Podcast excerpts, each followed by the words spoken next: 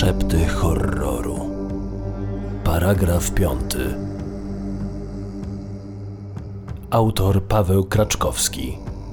Występują Tomasz Osica, Maciej Dybowski, Katarzyna Kanabus.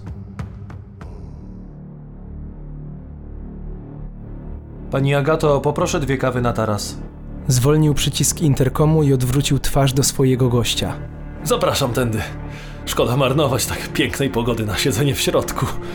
Dodał wstając i wyciągając rękę w kierunku dużych półobrotowych drzwi z jednej tafli szkła, oddzielających biuro na ostatnim piętrze drapacza chmur od pokaźnych rozmiarów tarasu. Gość wstał i podążył we wskazanym kierunku. Podeszli razem do otwierających się automatycznie fotochromowych wrót. Faktycznie błękit nieba, biel kilku obłoków oraz jaskrawa tarcza słońca zachęcały do przeniesienia się na zewnątrz, zaś przyciemniane elektrycznie szyby ściany, przez które wychodzili, powodowały, że wewnątrz pomieszczenia panowała atmosfera jak w krypcie. Wczesna wiosna nie niosła ze sobą jeszcze upałów, lecz temperatura była już w sam raz, żeby bez potrzeby ściągania marynarki rozkoszować się promieniami słońca, powiewem świeżego, pachnącego kwieciem i zwolna nagrzewającego się powietrza oraz filiżanką peruwiańskiej kawy. Gospodarz wskazał gościowi plecione z rzemienik wygodne siedziska przy niskim, kryształowym stole.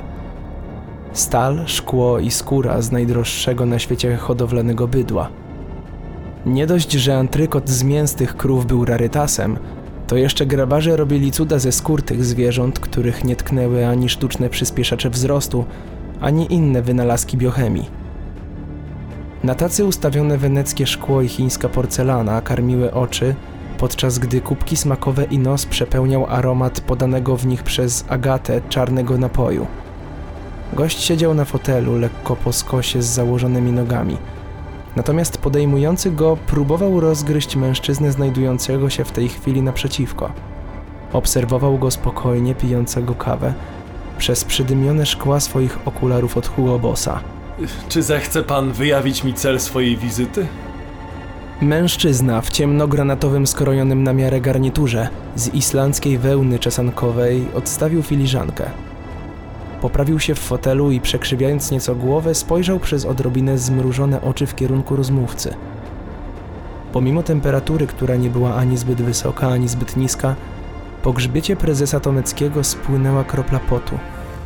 Ślad, który pozostawiła, zmroziła jakiś zabłąkany chłodny powiew, czy coś w tym stylu. Efekt był natychmiastowy i porażający jak iskra z paralizatora. Wszystkie mięśnie zesztywniały, instynktownie przygotowane do ucieczki.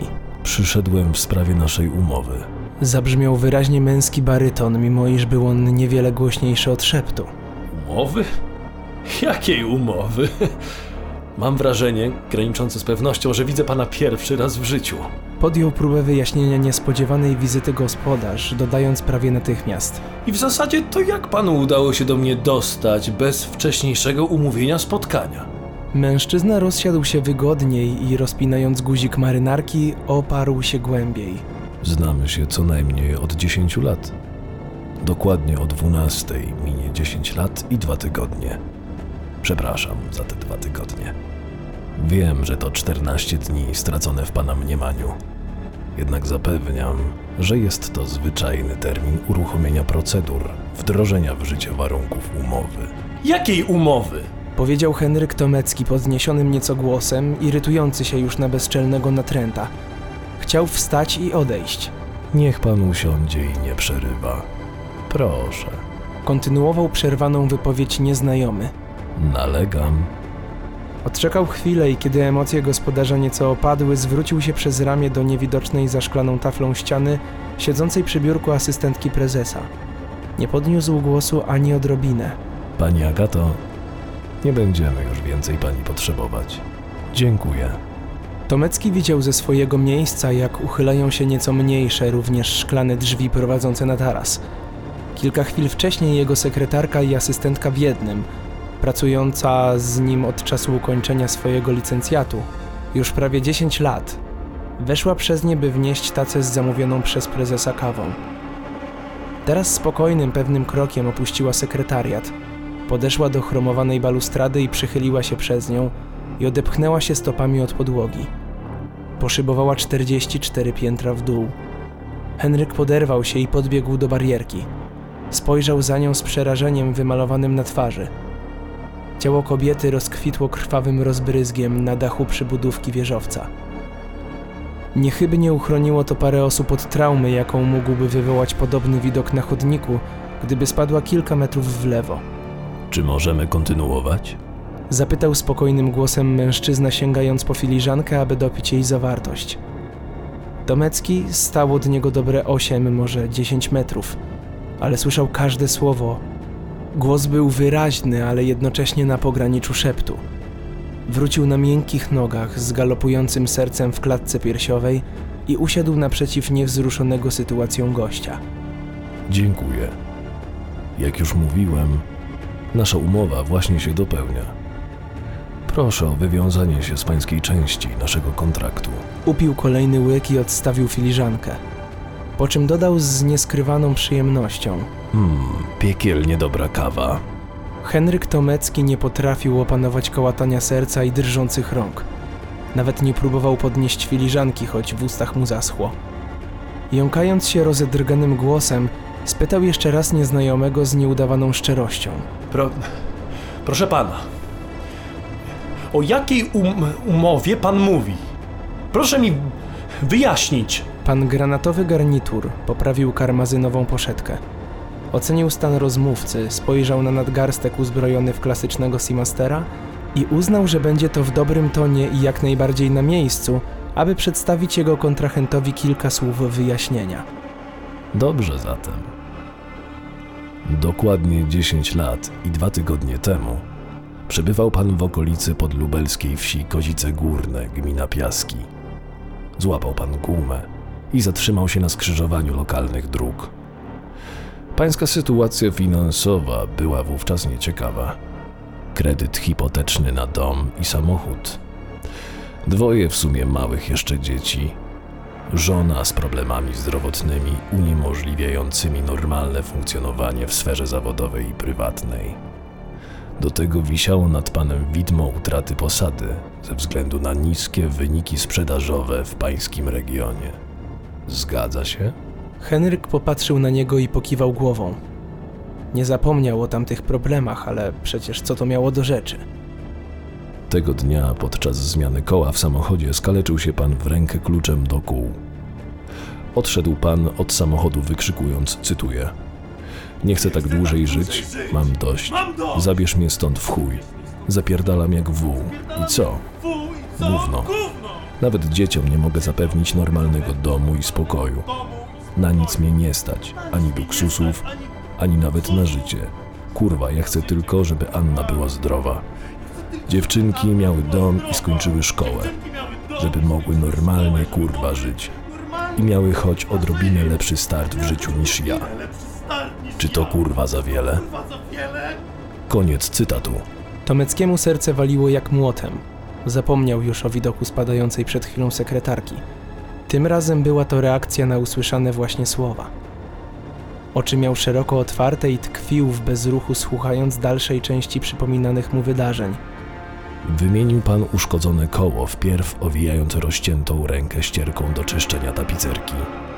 Potem wyrzucił ją pan do przydrożnego rowu po północno-wschodniej stronie rozstaju dróg. Wracając do drzwi kierowcy, wrócił pan jeszcze na środek skrzyżowania, aby podnieść identyfikator, który tam panu wypadł. Wtedy na asfalt spadły dokładnie trzy krople pańskiej krwi. Ten moment uznajemy jako pieczętujący naszą umowę. Od tego momentu liczymy 14 dni potrzebnych na przygotowania i wdrożenie w życie zgłoszonych przez pana roszczeń. I tak w skrócie czytamy. Paragraf pierwszy. Poprawa warunków materialnych. Paragraf drugi. Poprawa stanu zdrowia żony. W paragrafie trzecim zbiorczo ujęte zostały wykształcenie, stan materialny i start w dorosłe życie córek. Uznaliśmy, że przy tak ogólnym opisie roszczenia zastosujemy pakiet rozszerzony. Uroda, talent, inteligencja, przebojowość. Czwarty paragraf wiąże się bezpośrednio z pierwszym, ale jako że wyszczególnienie luksusu pojawiło się w momencie przedstawienia pańskich warunków, postanowiłem dorzucić od siebie wyczucie stylu, gustu i smaku. Objęliśmy tym całą rodzinę. Tak pokrótce prezentuje się nasza umowa. Z naszej strony to tyle. Oczekujemy teraz wywiązania się z pańskiej oferty, zapisanej w paragrafie piątym. Henryk zamknął usta. Serce się uspokoiło. Nadal nie dowierzał w to, co się w tej chwili dzieje na tarasie biurowca, w którym od 8 lat prowadzi swoją własną firmę. Po dwóch latach stopniowego wzrostu od przypomnianego mu przed chwilą dnia, faktycznie stan finansów nie tylko się poprawił, ale stał się wręcz doskonały. Giełda zwyżkowała, inwestycje się zwracały, wspólnicy pomogli rozwinąć skrzydła, po czym ekspansja jego firmy spowodowała, że stał się potentatem swojej branży. Żona dzięki zdobytym pieniądzom mogła poddać się leczeniu i ostatecznie odzyskała 99% sprawności. Pozostały jej tylko dwie blizny po operacjach. To jednak niska cena za powrót do zdrowia i normalności. Córki wyrosły na piękne, młode kobiety. Starsza z sukcesem rozwijała swoją linię modową, a młodsza świeciła triumfy w salach koncertowych całej Europy, Japonii i obu Ameryk. Podróżowały, zwiedzały świat, uczyły się języków i poznawały ludzi. Ich domem stała się willa ozdobiona dziełami sztuki. Gustowne dodatki, drogie i ekskluzywne przedmioty otaczały teraz całą rodzinę. Wszystko to faktycznie osiągnął w przeciągu ostatnich 10 lat. Spojrzał w oczy mężczyzny siedzącego naprzeciwko. Czy może pan przedstawić treść paragrafu piątego umowy? Przypomnieć mi, w skrócie. Poprosił Henryk. Oczywiście. W paragrafie piątym zawarte zostały dosłownie przytoczone pańskie słowa, czyli nie chcę tak dłużej żyć. Mam dość. Zabierz mnie stąd w chuj. Doprecyzowano jedynie, że od wcielenia w życie pańskich roszczeń jako ofiarodawcy będzie panu przysługiwał okres standardowych 120 miesięcy na zapoznanie się z efektami wywiązania się przez nas zapisów zawartej umowy. Po tym okresie zostanie wykonany zapis paragrafu 5 w formie pozbawienia pana życia i przejęcia pańskiej duszy. Zgodnie z pana życzeniem, jedynie termin zabrać w chuj został zapisany precyzyjniej jako przekazanie duszy w depozyt na wieczność. Czy ma pan, panie Henryku, jeszcze jakieś pytania? Tak, jedno. Kim jesteś i jak się nazywasz? Wypalił prawie bez namysłu. To w zasadzie dwa pytania, ale nie szkodzi. Na drugie nie odpowiem, gdyż w klauzuli odstąpienia od umowy jest dokładnie opisane, że jeśli do dnia dzisiejszego do południa wypowie pan po trzykroć moje imię, którego brzmienie sam pan odkryje, będę zobowiązany do odstąpienia egzekucji. Tak, to dobre słowo. Egzekucji należnej nam pańskiej duszy. Zatem wybaczy pan, ale nie będę teraz ryzykował przedstawiając się z imienia. Zostało nam jeszcze kilka minut do dwunastej. Dodał z szatańskim uśmiechem. A co się tyczy pierwszego pytania, to jestem pełnomocnikiem i wykonawcą umowy zawartej między panem a moim pracodawcą. Pełnię funkcję demona rozdroża, lub jak niektórzy nas nazywają, demona na rozstajach. Uśmiechnął się i dodał. Mam nadzieję, że nie będzie nietaktem, jeśli zaproponuję panu szklaneczkę pańskiej własnej whisky. Oczywiście, jeśli wolno, sam również chętnie zwilżę nią usta. Szkoda, by tak szlachetny trunek, który czekał na odpowiedni moment 25 lat, miał się zmarnować. Podszedł do stojącego obok stołu, barku na kółkach i nalał dwie szklanki bursztynowego płynu, podając jedną Henrykowi. Uniósł szklaneczkę i wygłosił, Za udane interesy. po czym wypił zawartość. Tomecki również wypił do dna, a kiedy odsuwał szkło od ust, przez zniekształcające obraz dno naczynia zobaczył puste, czarne oczy ze złotymi rozbłyskami przypominającymi języki ognia. Poczuł dłoń na klatce piersiowej wypychającą go za balustradę. Jeszcze w locie, zanim sięgnął bruku, usłyszał głośne warczenie, parskanie i basowe szczekanie zbliżające się w jego kierunku, z każdą sekundą nieuchronnie kończącego się życia. Dziś w południe w centrum Warszawy przechodnie ujawnili makabryczny widok. Z tarasu biura na ostatnim piętrze biurowca Windrose Tower, należącego do multimilionera Henryka Tomeckiego, wyskoczył sam jego właściciel. Policja i prokuratura podejrzewa rozszerzone samobójstwo. W trakcie czynności ujawniono drugie ciało należące do Agaty M., sekretarki Tomeckiego, znajdujące się na dachu przybudówki wieżowca. Ze wstępnych ustaleń wypadła lub została zepchnięta z tego samego tarasu kilkanaście do kilkudziesięciu minut wcześniej. Brak śladów walki oraz innych obrażeń niż wynikających z upadku. Nie wyklucza się, że było to zabójstwo. W telefonie kobiety oraz na mediach społecznościowych znaleziono krótki wpis pod wspólnym zdjęciem z jej szefem. Dłużej tak nie mogę. Na jej uruchomionym komputerze widniał list do żony prezesa. Treść listu nie została opublikowana. Na tarasie na stole stała butelka otwartego mocnego alkoholu, jedna szklanka oraz filiżanka niedopitej kawy. Gabinet, podobnie jak sekretariat, były zamknięte od środka. Sprawa wymaga dalszego wyjaśnienia. Będziemy Państwa informować na bieżąco. Zasubskrybuj szepty horroru, aby nie przegapić żadnej strasznej historii. Czytał Tomasz Osica.